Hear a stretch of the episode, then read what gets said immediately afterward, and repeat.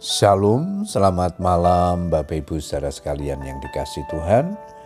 Kita bersyukur kepada Tuhan. Malam hari ini kita berkesempatan datang kepada Tuhan untuk menaikkan ucapan syukur dan doa-doa permohonan kita kepada Tuhan.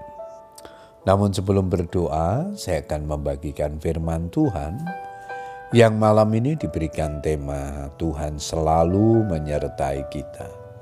Ayat mas kita di dalam keluaran 23 ayat yang ke-22, firman Tuhan berkata demikian, Tetapi jika engkau sungguh-sungguh mendengarkan perkataannya dan melakukan segala yang kufirmankan, maka aku akan memusuhi musuhmu dan melawan lawanmu. Bapak Ibu saudara sekalian, setiap kali kita menghadapi masalah, seberat apa pun dalam hidup ini, ingatlah bahwa tugas kita hanyalah hidup dalam kebenaran dan Tuhanlah yang akan menyertai kita. Keluaran 14 ayat 14 di sana dikatakan Tuhan akan berperang untuk kamu dan kamu akan diam saja. Kita tidak perlu membalas kejahatan dengan kejahatan, apalagi sampai kita mengutuki atau menyumpahi lawan, karena mereka sendirilah yang akan tergelincir dan jatuh. Saul sangat menginginkan kematian Daud. Karena itu segala cara ditempuhnya untuk menghabisi Daud. Entah berusaha membunuh dengan tangannya sendiri ataupun dengan menempatkan dia di barisan depan tentaranya agar tewas di tangan musuh tetapi usahanya tak pernah berhasil.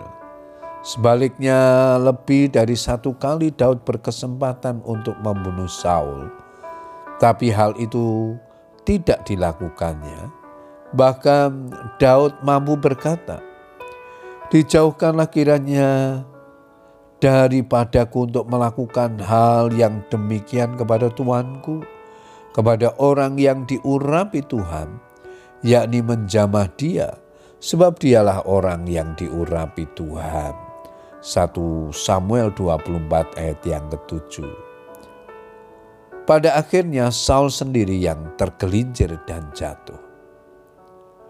Tuhan kemudian mengangkat Daud menjadi raja.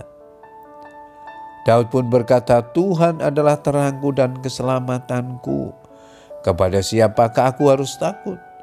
Tuhan adalah benteng hidupku terhadap siapakah aku harus gemetar.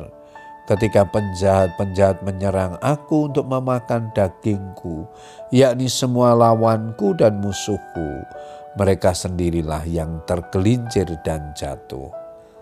Mazmur 27 ayat 1 dan 2. Tuhan Yesus sudah memperingatkan kita.